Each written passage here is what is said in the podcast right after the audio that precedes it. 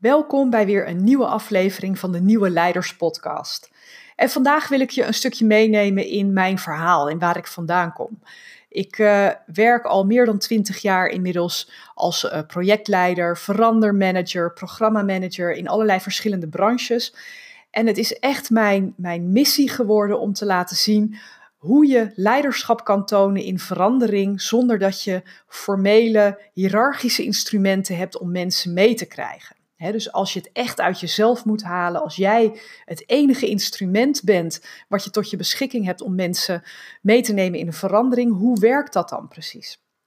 Nou, die fascinatie die komt natuurlijk ergens vandaan en daar wil ik je graag iets over vertellen. En daarvoor is het belangrijk dat ik je even mee terugneem naar hoe dit ooit begon. En uh, dat hoeft echt niet helemaal tot aan mijn studietijd, maar misschien is het goed om te weten dat ik ooit ben begonnen bij uh, de sociale dienst uh, van Den Haag. Ik heb na mijn afstuderen als jurist, ik zal er maar uit de kast komen, ik ben oorspronkelijk jurist. Um, ben ik begonnen bij de sociale dienst in Den Haag, omdat er in die tijd een enorm slechte arbeidsmarkt was. En wat er altijd is als er heel veel werkloosheid is, is dat er behoorlijk wat werkgelegenheid is bij de mensen die uitkeringen verstrekken. Inmiddels is dat allemaal een veel digitaler proces, maar op dat moment waren er nog heel veel mensen nodig die het recht op een bijstandsuitkering konden vaststellen. Dus zo is het bij mij ooit begonnen.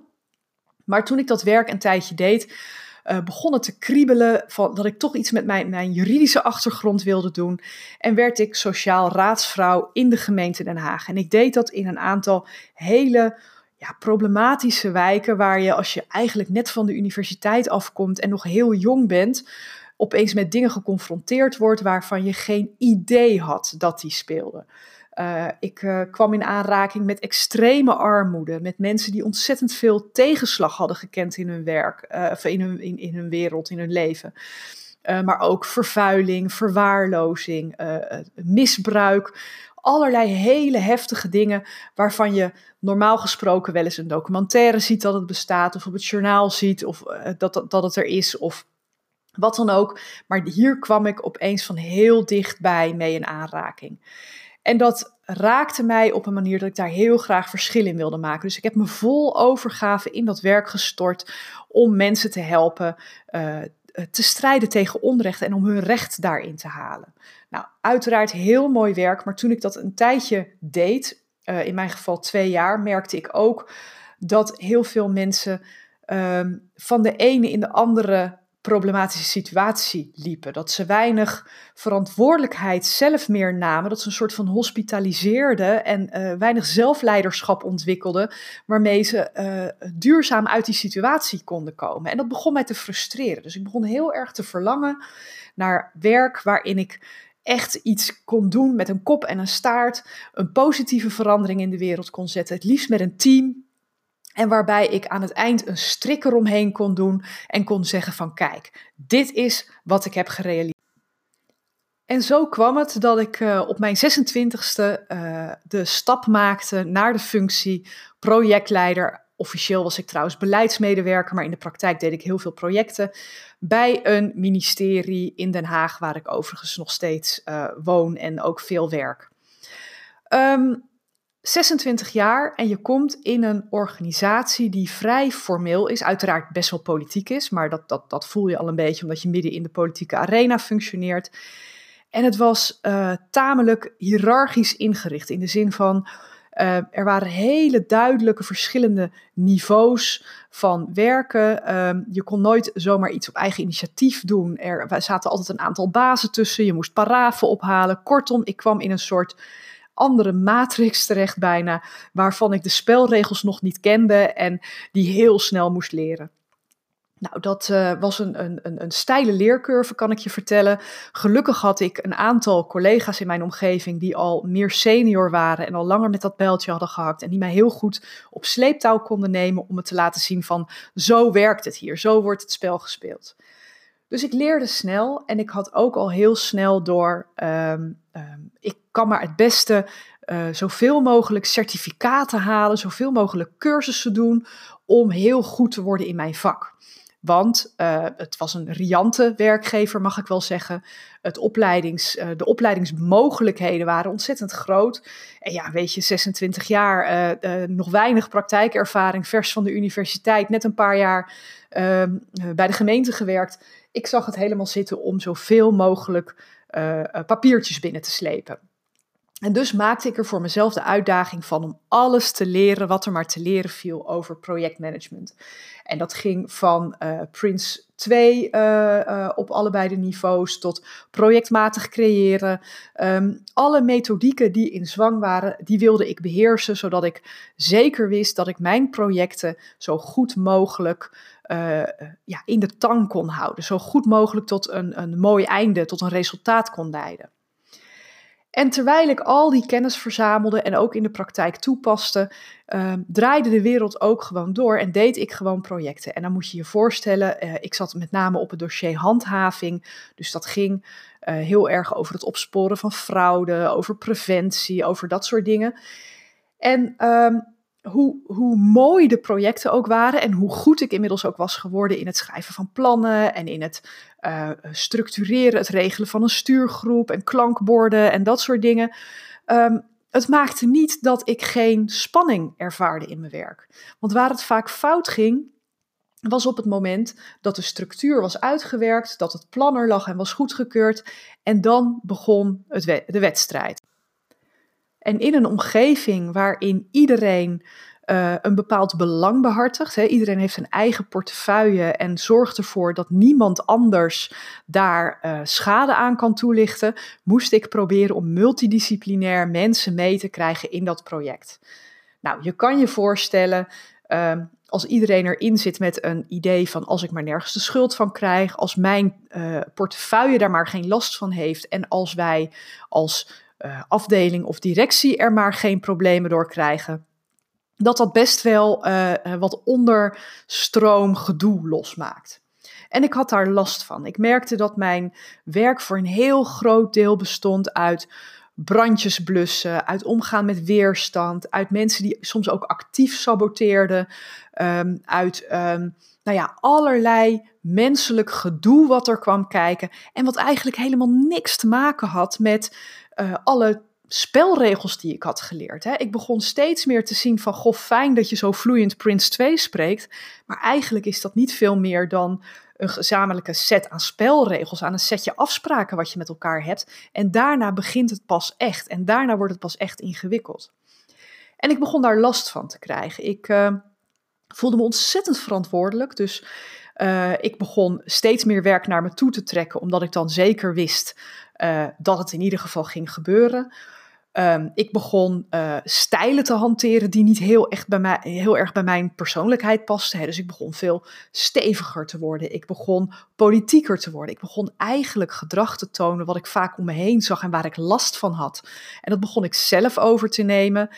En um, ik, ik merkte dat ik in de weekenden, in de avonden, tot onder de douche aan toe met het werk bezig was. En op een dag uh, ging bij mij letterlijk het licht uit. Ik was ochtends bezig om uh, mijn tas in te pakken en om te vertrekken. En ik, uh, ik, ik buk voorover. Op dat moment wordt het zwart voor mijn ogen. Ik kan het me niet meer precies herinneren hoe het is gegaan. Maar op het moment dat ik bijkwam, uh, uh, was mijn werk al gebeld en had mijn partner al verteld van joh, jullie hoeven voorlopig niet op er te rekenen. Nou, er is heel veel te vertellen over uh, wat een burn-out is. Ik heb heel lang ontkend dat het een burn-out was, want het was bij mij heel fysiek. Dus ik had ook niet het idee dat daar een, een echt een uh, uitputtingselement aan zat. Maar één ding had ik al heel erg snel in de smiezen. En dat was, er is voor mij niks leuker om te doen dan met een team concrete resultaten boeken, dan echt een, een verandering implementeren, dan daarmee bezig zijn. En ik had ook door, er moeten toch manieren zijn waarop ik aan de ene kant resultaten kan boeken en aan de andere kant er niet zelf van opbrand. Sterker nog, dat het mij inspireert en energie geeft in plaats van dat het alleen maar energie aan mij onttrekt. Nou, in die tijd heb ik heel veel gesprekken gevoerd met uh, andere mensen in vergelijkbare functies. Dus mensen die bij mij op het ministerie werkten, uh, mensen die op andere plekken projectleider waren. Ik had nog uit een oud netwerk uh, mensen die, die consultant waren of, of stafadviseur, maar een vergelijkbare functie hadden. En wat mij verbaasde was dat daar eigenlijk twee verschillende soorten van projectgeploeter elke keer opnieuw naar boven kwamen. Het eerste was mensen die hetzelfde deden als ik, die zich super verantwoordelijk voelden en steeds meer dingen zelf gingen doen, steeds zwaardere lasten gingen dragen, totdat ze er eigenlijk of geen plezier meer in hadden of, of bijna omvielen. Er was nog een andere variant en dat waren de mensen die heel goed waren geworden in het ja, wegmanagen, noem ik het maar even, van taken. Dus die heel goed hun omgeving uh, wisten uh, te prikkelen om bepaalde dingen op te pakken. Maar die leden weer heel erg onder uh, ja, een soort eenzaamheid. Hè? Die kregen uh, bijna het gevoel van we worden op een gegeven moment wordt er met een grote bocht om ons heen gelopen, omdat mensen bang zijn dat ze anders weer wat in hun schoenen geschoven kregen. Nou, beide aspecten zijn ja, verschijningsvormen van projectgeploeter.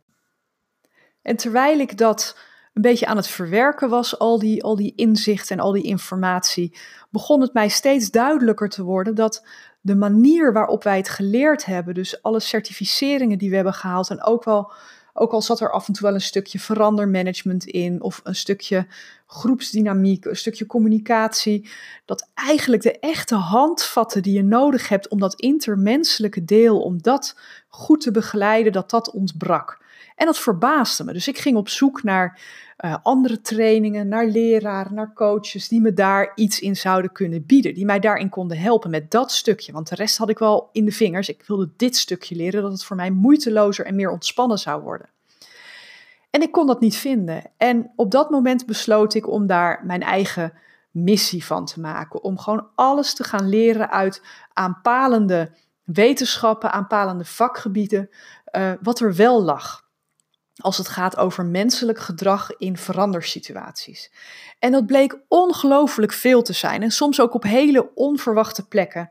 Dus ik heb er een aantal jaar, en ik was inmiddels ook alweer aan het, aan het werk, moet ik er meteen bij zeggen, maar ik heb er een aantal jaar echt uh, helemaal mijn tanden in gezet dat ik ging werken aan mijn projecten in plaats van alleen maar in mijn projecten. En ik begon alles te leren wat los en vast zat over verschillende thema's rond uh, psychologie bij verandering, groepsdynamica. Maar wat ik zelf bijvoorbeeld ook een heel waardevol, uh, waardevolle kennis vond, was uh, leren over marketing. Over hoe kan het nou dat communicatie door een marketeer bijna rechtstreeks in ons reptiele brein terechtkomt, waardoor we een soort urgentie voelen om uh, uh, een bepaald merk deodorant te kopen, omdat we denken dat we daar heel populair mee worden, om maar even een flauw voorbeeld te noemen. Um, maar dat het ons in, in verandercommunicatie zelden lukt om dat ook voor elkaar te krijgen. Nou, dat stukje, dat werd zo'n ontzettende passie van mij dat ik uh, daar eigenlijk nooit meer helemaal mee ben opgehouden. En het mooie was, ik had me inmiddels uh, gespecialiseerd in het, uh, het loskrijgen van vastgelopen projecten. Dus dan moet je denken aan projecten die on hold waren gezet omdat er zoveel gedoe van kwam dat mensen niet meer wisten hoe ze verder moesten. En soms nam ik ook projecten over van projectleiders die ofwel ontslagen waren ofwel met een burn-out waren uitgevallen. Kortom, het waren moeizame projecten. En dat was natuurlijk een uitstekende speeltuin om uh, aan de slag te gaan met die manieren van invloed. Hoe kan je nu mensen meekrijgen in een verandering? Hoe kan je het nu zo maken dat mensen zich uh, betrokken voelen, dat ze zich geïnspireerd voelen, dat het een soort van positieve energie losmaakt, uh, in plaats van dat het het zoveelste ploeterproject wordt? Nou, steeds vaker kwam daarna de vraag, en ik werkte inmiddels al niet meer bij het ministerie. Ik had al uh, stappen genomen naar de commerciële consultancy. En uh, ik had uh, een tijd bij de gemeente Den Haag weer gewerkt als programmamanager. En inmiddels was ik voor mezelf begonnen. En um, ik kreeg steeds vaker de vraag: kan je deze technieken, de manier waarop jij het aanpakt, kan jij die niet leren aan onze eigen projectleiders of aan anderen? Kan je niet mensen coachen? En dat bleek ik ontzettend leuk te vinden. Dus sindsdien, en dan heb je het over, ik ben ergens begin 2017 heb ik de eerste trainingen gegeven en in de loop van 2018 kwam daar zoveel vraag naar dat ik dat helemaal ben gaan doen. Maar ik ben me dus echt gaan toeleggen op hoe maak je nu veranderingen in organisaties uh, behapbaar voor iedereen die erbij betrokken is. En of het nu echt een project heet, of het is een kleine verandering, of het is een hele cultuurommezwaai. Het vraagt iets van je leiderschap. En dat leiderschap, dat is anders dan dat we het uh, traditioneel kennen. Leiderschap is namelijk iets wat altijd meebeweegt met het bewustzijn in organisaties, met de context waarin we werken. En we zitten niet meer in een jaren tachtig voor de dotcom. Uh, nou ja, je kent al die jaren tachtig series wel over uh, Wall Street en weet ik wat allemaal. Op die manier werken we niet meer. Inmiddels zijn we een aantal volwassenheidsfases verder, zijn we ook bewuster over andere thema's. En dat betekent dat als wij um, uh, hetzelfde blijven doen als we altijd al deden, dat we de plank heel erg misslaan. En dat is een, een van de oorzaken waarom er op dit moment vaak zoveel projectmoeheid of verandermoeheid is in organisaties. Hè. Het wordt, er wordt meer gedaan van wat wij kennen, terwijl het eigenlijk al een beetje schuurt. Het is eigenlijk al niet meer helemaal, uh, niet meer helemaal passend. Nou, inmiddels geef ik dus die trainingen en ik, uh, ik, ik uh, doe dat zowel aan uh, de veranderaars zelf als aan hun, hun leiders. Dus ik zit ook met directies, met bestuurders, et cetera, aan tafel. En wat ik het allermooiste vind om te zien, is dat er een soort van ripple effect op gang aan het komen is. Want op het moment dat je weet dat het anders kan en ook de intentie uitspreekt van we gaan het nu uh, we gaan experimenteren met andere ideeën, met ander gedrag, met andere manieren van werken. Dan kan een verandertraject of een project kan juist een heel mooi vehikel worden om de hele organisatie op een hele ja, veilige manier naar een hoger volwassenheidsniveau te krijgen. Een project heeft namelijk als kenmerk dat het per definitie um, tijdelijk is. Hè? Het, heeft iets, het is iets met een kop en een staart. Er wordt een soort uh, tijdelijk samenwerkingsverband omheen gesmeed die dat voor elkaar moet gaan krijgen. En daarmee wordt het een veilige biotoop, omdat iedereen ziet: oké, dit is niet iets wat er gaat blijven. Um, dit is even nodig om een verandering um, neer te zetten. Maar binnen die biotoop is heel veel ruimte om te experimenteren met nieuwe ideeën, nieuwe vormen van samenwerking, nieuwe technologieën, uh, een hele andere mindset. En op het moment dat mensen daar lucht van hebben gekregen, daar kennis van hebben genomen of daar zelfs bij betrokken zijn geweest, is de geest uit de fles. Dan kan je niet meer terug naar hoe het was. En dat is een van de dingen die mij ontzettend fascineert aan het thema nieuw leiderschap. Dit is mijn uh, uh, stukje uh, expertise wat ik daarin wil brengen. Hoe je verandertrajecten niet alleen heel succesvol in organisaties laat lopen, maar vooral ook hoe je dat bewustzijn kan vasthouden en kan uitbreiden in de organisatie, waardoor ja, het, het, het onbewuste bijeffect van zo'n project of verandertraject wordt dat iedereen er wat wijzer van wordt en dat iedereen op andere manieren gaat werken. Dat je niet meer teruggaat naar het oude normaal, om maar weer even zo'n term uh, erin te brengen. Nou, dat even voor mijn verhaal. Um, ik wens je een hele fijne dag en ik spreek je snel bij de volgende podcast. Dag, dag.